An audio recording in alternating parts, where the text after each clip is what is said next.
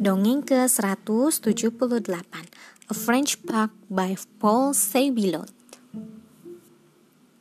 Among the mountain pastures and valleys that lie in the center of France, there dwelt a mischievous spirit called Puck, whose delight it was to play tricks on everybody, particularly on the shepherds. They never knew when they were safe for him, as he could change himself into a man, woman, or child, a stick, or a goat.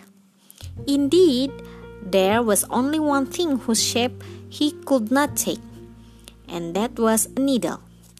At least he could transform himself into a needle, but he never was able to imitate the hole. So every woman would have found him out at once, and this he knew. One day he was told of a young couple who were going to the nearest town to buy all that they needed for setting up house. Quite certain that they would forget something that they could not do without. Puck waited patiently till they were jogging around in their cart on their return journey and changed himself into a fly in order to overhear their conversation.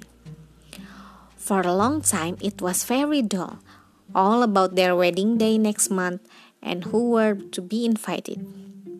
This led the bride to her dress, and she gave a scream. Oh, I have forgotten to buy the colored reels of the cotton to match my clothes. Oh dear, exclaimed the man. That is unlucky. And then she gave another little scream, which had quite a different sound from the first. Look!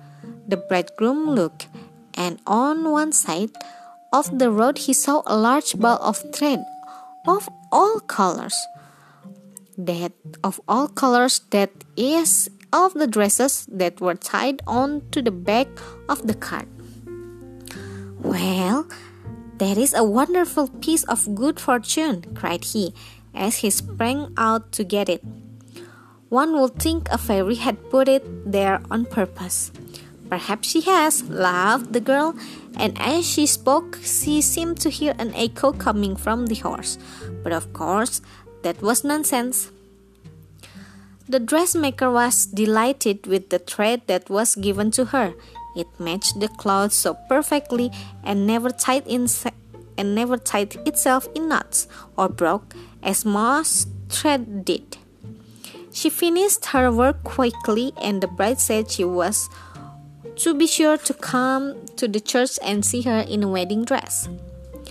There was a great crowd assembled to witness the ceremony.